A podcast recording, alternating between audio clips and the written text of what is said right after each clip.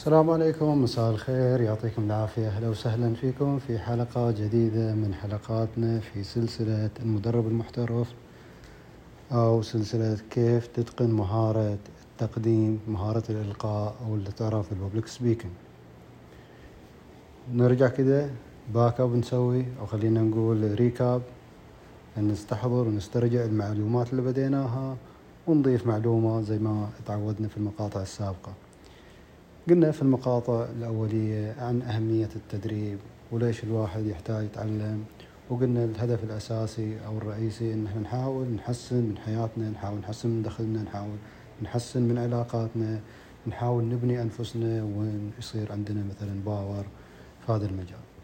وقلنا يعني في ناس اللي ما يتعلموا أو يهملوا هذا الجانب فهم قاعدين يضيعوا على نفسهم يعني مساحة كبيرة جدا من التقدم والنمو وتغيير حياته إلى الأفضل سواء كان على الصعيد المالي أو على الصعيد الأسري أو الاجتماعي أو على صعيد القوة والكاريزما. فهذه المعلومة أو هذه المهارة مهارة جدا هامة وجدا جدا مؤثرة في حياتنا خاصة في هذا الزمن. وبعدين بدينا قلنا كيف نقدر نبني هذه المهارة قلنا لازم نحول آه، أي تارجت أي هدف يكون عندنا أي هدف نطمح للوصول إليه لازم مهما يكون حجمه لازم نقطعه إلى وجبات صغيرة. وهذه الوجبات الصغيرة سميناها سلوك. هذا السلوك اللي تسويه بشكل مستمر هو هذا اللي راح يعطي الفارق. طبعا أنت لما تقطع الهدف ماله وتحوله إلى قطع صغيرة هذه القطع الصغيرة هي السلوك نبغى بعدين ندفع السلوك ونحوله إلى عادة.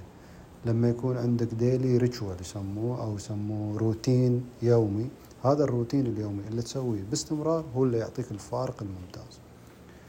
وبعدين نطينا أو تقدمنا خطوة أو ركبنا عتبة قلنا اختار أي موضوع وابدا اتكلم فيه مدة ثلاث دقائق. هذه الثلاث دقائق تفتح جوالك على سبيل المثال. ال voice recorder وتبدأ تضغط. ما يحتاج تجهز أي شيء لأن إذا بتبدأ تجهز انت في الغالب إذا كنت آه، يعني زي وزي كثير من الناس اللي يطمحوا يصير عندهم perfection أو تميز التميز يخليهم ما يبدأوا يسوي لهم حاجة يسموها postponing أو delay آه، أو تأخير أو تسويف. هذا التسويف هذا قاتل جدا. بتلقى حياتك كلها تسوف لأن أنت عقلك يقول لك لا لا لازم تجهز شيء ممتاز لازم تجهز شيء محترم لازم تجهز شيء perfect كامل نظيف مرتب ولا ما ما راح تبدأ. وفي الغالب الناس اللي يفكروا بهذه العقلية ما يبدأوا. ما يصير عندهم تقدم في حياتهم لأنه ما يقبل يشوف نفسه ضعيف. ما يقبل أحد ينتقده. يتخوف من الفشل يتخوف من الخطوات المتعثرة. وهذا واحد من أكبر العوائق اللي المفترض إحنا نتخلص منها. كيف نتخلص منها؟ بهذه الطريقة. تشغل ال voice recorder وتبدأ تتكلم. طبعا في البداية يمكن يكون عندك تلعثم يمكن يكون عندك زي ما قلنا تردد. ما تكون الأمور واضحة عندك تبدأ تبغى تتكلم ما تدري وش تبغى تقول أفكارك مو مرتبة. لكن أبصم لك بالمليون مع الوقت راح تشوف إن عقلك هذا يا سبحان الله هذا الاداه أو هذا العضو اللي الله أودع فيه كثير من الأسرار راح تشوفه يتغير بشكل غريب عجيب يا سبحان الله وتشوف نفسك قادر على إنك تتكلم ولا ويعطيك فهرسة عجيبة غريبة وفي وقت وجيز جدا جدا جدا. أنا أضرب هذا المثال أنا نفسي لما بديت شخص ما أقدر أتكلم يعني ثواني بدون مبالغة. وإذا جيت أبغى أتكلم اتلعثم بدل المرة عشر. والفكرة قبل لا أقولها أقعد أفكر فيها بدل المرة مية. ولما أقولها يكون فيها خطأ. ف وكنت أعرف وكان عندي هوس إن أنا لازم أطلع من هذه الحالة، لازم أتغير، هذه الحالة حالة قاتلة، أحس أن نقص كبير جدا في حياتي وسبب كيف الواحد يقدر يعبر عن نفسه، وهذه الحالة صادتني طبعا كنت في أيام المدرسة كنت شخص يعني من الأشخاص الممتازين على مستوى المدرسة، ولكن الطموح العالي خلاني أخوض الحياة باستعجال وبدا يصير عندي أخطاء كبيرة واهتزت عندي ثقتي بنفسي اهتزاز كبير جدا. عشر سنوات أبغى ألملم نفسي مرة ثانية مو قادر. فصار عندي يعني ضعف في, في احترام الشخصية إلى درجة أن كل السنوات اللي كنت فيها ممتاز في المدرسة نسيتها مو قادر أسترجعها وبديت رحلة جديدة. فعموما واحدة من الأمور اللي خلت الثقة ترجع عندي هو هذا تمرين الثلاث دقائق. فهذا التمرين يعني ما قريته في كتاب مع العلم إني قريت عشرات الكتب في هذا المجال. حضرت يعني دورات كثيرة في مجال تطوير الشخصية في ال NLP في الهندسة البشرية تنمية القدرات تنمية الطاقات الطاقة التنفس التحولي. يعني دورات كثيرة جدا. تدريب المدربين أكثر من ثلاث مرات حاضرينها. هذا فيزيكالي أنا حاضرينها. يعني رحت حضرت دورات نفسي وفي دورات أونلاين حضرتها عديدة.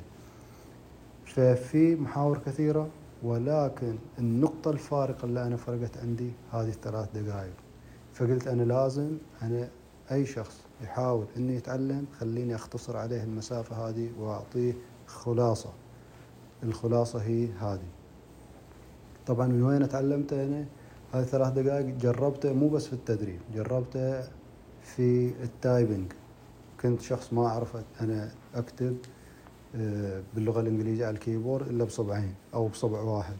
وهذا يستغرق وقت طويل جدا. فقلت خليني أتعلم typing بالطريقة الصحيحة. فبديت أكتب typing كيف أتذكر أنا عشان يصير daily routine أو روتين يومي؟ حطيتها في ال calendar عندي. أول ما أدخل المكتب أنا مثلا أدخل الساعة سبع كان الدوام عندي في ذيك الفترة قبل تقريبا هذا الكلام قبل يمكن ثمان أو تسع سنوات. فأول ما أدخل أشوف أنا ال calendar يولع عندي typing فأتدرب خمس دقائق typing خمس دقائق أحيانا تصير عشر دقائق فالخمس دقائق هذه اليومية خلتني صاروخ. ما أبغى أقول كم عدد الكلمات في الدقيقة ولكن واحد من يكتب بصبع أو صبعين إلى واحد يستخدم العشر أصابع وبدون وأنا أكلم تلفون وأنا أكتب ما عندي مشكلة. فهذا التمرين أو تمرين خمس دقائق أعطاني نقلة في حياتي مو طبيعية. اليوم الشباب كلهم يتمنوا أنهم يكتبوا بالسرعة اللي أنا أكتب فيها. طبعا قلت هذا هل ممكن أنا أتعلم مهارة غير التايبنج في نفس الشيء بنفس الطريقة بنفس الأسلوب؟ فقلت خليني أنا ما أتكلم لغة إنجليزية. ومهارات التحدث عندي والكتابة مهارات ضعيفة جدا. ولو تعلمت لغة إنجليزية في آه، في مجال عملي راح يفتح لي أبواب كبيرة جدا. فبديت قلت أنا كيف أتذكر كيف أسوي لي ديلي روتين قلت أنا أروح في السيارة رايح جاي يوميا. فواحد من المشوارين. مشوار طبعا أسمع فيه شغلة أتعلم فيها تعلمت فيها مهارة ثانية ومشوار وأنا راجع أتعلم فيها لغه انجليزيه أول ما بدأت اللغة الإنجليزية كنت آخذ سيديات إلى كتب قريتها باللغة العربية أحط السيدي وأخليه يتكلم ولا أفهم منه ولا حاجة. فقلت أنا مثل الطفل الصغير بالضبط إذا كان يتعلم هذا الطفل الصغير اللغة وهو ما عنده أي خلفية عن هذه اللغة ولكن من خلال البدايه السماع وتخزين هذه الكلمات في اللاوعي ويبدأ مع الفترة يقول كلمة بعدين شوي يقول كلمتين بعدين يقول ثلاث كلمات بعدين تطلع إياه جملة فياخذ وقته ياخذ سنتين ثلاث سنوات هذا الطفل. فقلت أنا إذا استخدمت نفس الطريقة وصبرت ثلاث أربع سنوات أكيد بتكلم لغة إنجليزية. وفعلا هذا اللي صار. فعلا فعلا هذا اللي صار صرت أتكلم لغة إنجليزية بطلاقة واليوم طبعا بعد يمكن سبع أو سبع سنوات أو أكثر من الاستماع المتواصل بشكل يومي. طبعا أسمع على الأقل يوميا نص ساعة باللغة الإنجليزية. يعني أنت يمكن ما تقدر نص ساعة لكن تقدر خمس دقائق تقدر ثلاث دقائق. أهم شيء تحط لك منبه بحيث أن أنت تتذكر يوميا السلوك اللي أنت تبغى تسلكه بشكل يومي حتى يعطيك الفارة اليوم في الشركة أنا أي خطاب أي كتابة أي عقد يجيبوه عندي أنا أدققه أو أنا أصيغه. مع العلم إن أنا بديت في اللغة الإنجليزية بداية مو متواضعه أقل من المتواضعه حتى لما أجي أنا أتكلم أو لما أجي أكتب هذه العقود أو لما أجي أكتب الخطابات إلى الشركة يتصوروا الأجانب إن أنا درست برا. وأنا ما درست ولا طلعت من بلدي أصلا. فنفس التمرين هذا طبقته على ال typing باللغة العربية. الخمس دقائق هذه فارق كبير. بعدين قلت خليني أنا أتمرن على ال public speaking بنفس التدريب. أنا شفت التدريب هذا اونلاين ما أتذكر اسم الشخص اللي يتكلم ولكن شخص كانت مشاهدات اليوتيوب عنده يعني مشاهدات عالية جدا. وكان يتكلم على هذا التمرين يقول هذا التمرين هو اللي صنع الفارق الكبير. فأنا هو التمرين هذا الشيء المغاير عن اللي قريته في الكتب واللي حضرته في الدورات كلها فقلت خليني أجرب تمرين الثلاث دقائق. بديت أستخدم التحدث الارتجالي في الواتساب. أي تساؤل يجيني على الواتساب أشغل الواتساب وأجاوب. في 10 ثواني في 15 ثانية أحيانا يكون موضوع طويل يستغرق خمس خمس دقائق فبديت بالواتساب. بعدين قلت خليني أنا أجرب آه، أسجل نفسي. وما كنت أبغى أعرض على أحد أصلا حتى ما يصير عندي انتقاد. لأن أنا أعرف المرحلة الأولية المفروض تكون مرحلة كم؟ ليست مرحلة كيف. فالكم مو مهم النتيجة المهم إن أنت تبني السلوك تبني العادة. فاخترت أنا Google Class إذا شفتوه.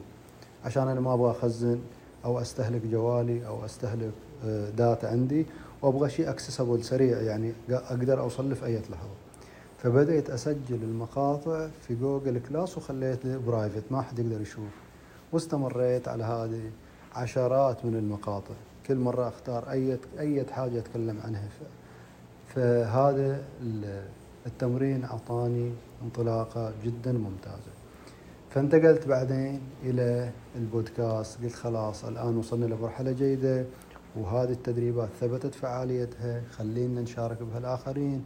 لعل وعسى يستفيد منها شخص أو شخصين أو أكثر. فكل اللي نبغاه ونتأمله أن أنتم تستفيدوا وإذا عندكم أي فيدباك أي ملاحظة تقدموها لنا نتشارك فيها حتى نستفيد كلنا. زين الآن إحنا بعد ما قلنا تمرين الثلاث دقائق وقلنا كيف إن هذا اثر في حياتي وممكن يأثر في حياتك قلنا وأنت تتكلم حاول تجيب على تساؤل ليش أنت تتكلم عن الموضوع الفلاني. أنت صحيح تبغى تتكلم عن الموضوع بس ليش تبغى تتكلم؟ زين. الآن إحنا هذه ليش نبغى نقول له تقدر أنت تتصور ليش الجمهور ليش ال audience ليش الشخص اللي قدامك آه، يحتاج إنه يسمعك؟ المفروض أنت لما تقول إلى شخص ليش أنا الحين لما أقول لك عن أهمية تدريب المدربين أو ال public speaking ما أقول لك ليش أنا أقول لك ليش أنا أقول لك هذا الموضوع مهم بالنسبة لي لا أحاول أقرب لك الفكرة ليش هذا الموضوع مهم بالنسبة لك كيف ممكن يأثر على حياتك فهذا الشيء اللي ممكن يخليك أنت كمستمع تسمع لي فأنا الحين أقول لك في التمرين لما أجي أتكلم ثلاث دقائق تتكلم عن ليش حاول تفهم الأودينس هذا المستمع الشخص اللي قدامك ليش أنت تبغى تقدم له هذه المعلومة؟ وش ال benefit وش الفائدة اللي هو راح يتحصل عليها لما يسمع. تمام؟ وبعدين المحور اللي بعده ما هي المعلومات؟ تبغى تقول أنت وش المعلومات اللي أنت راح تشير إليها أو راح تطرحها؟ نقطتين. سوي تمرين سوي هذا التمرين وتذكر هذه النقطتين فقط. ليش الشخص اللي قدامك يحتاج يسمعك وش المنفعة يعني اللي راح يتحصل عليها لما يسمعك والشغلة الثانية ما هي المعلومات اللي أنت تبغى تتكلم عنها؟ يعني كفهرس. لو أنت تبغى تفهرس تقول أنا بتكلم عن ثلاث نقاط مثلا. أو بتكلم عن نقطتين النقطة الأولى كذا النقطة الثانية كذا. وتوقف. هذه الحين إذا مشيت إلى هذا المستوى إلى هذا الليفل إلى هذه الخطوات إلى حد الآن فأنت خطيت خطوات جدا ممتازة. جدا ممتازة. بنلخص بعدين النموذج. مع الفترة راح تشوف نفسك إن أنت استخدمت نموذج من النماذج اللي معتمدة انترناشونالي يعني على مستوى العالم. هناك عدة مدارس عدة مدارس في الخطابة أو في التدريب. كل مدرسة لها أسلوب وإحنا نبغى نساعدك إن أنت بطريقة مبسطة تكون متمكن من واحد من هذه النماذج. إذا تمكنت منه بالكامل تقدر أنت تضيف عليه أو تشيل منه بعض الشغلات وبعدين تخلي الستايل مالك هو اللي واضح. فهذا بالنسبة لتمريننا لهذا اليوم ونشوفكم إن شاء الله في مقاطع تالية. وخطوات جديدة ومع تحياتي وأشواقي في أمان الله.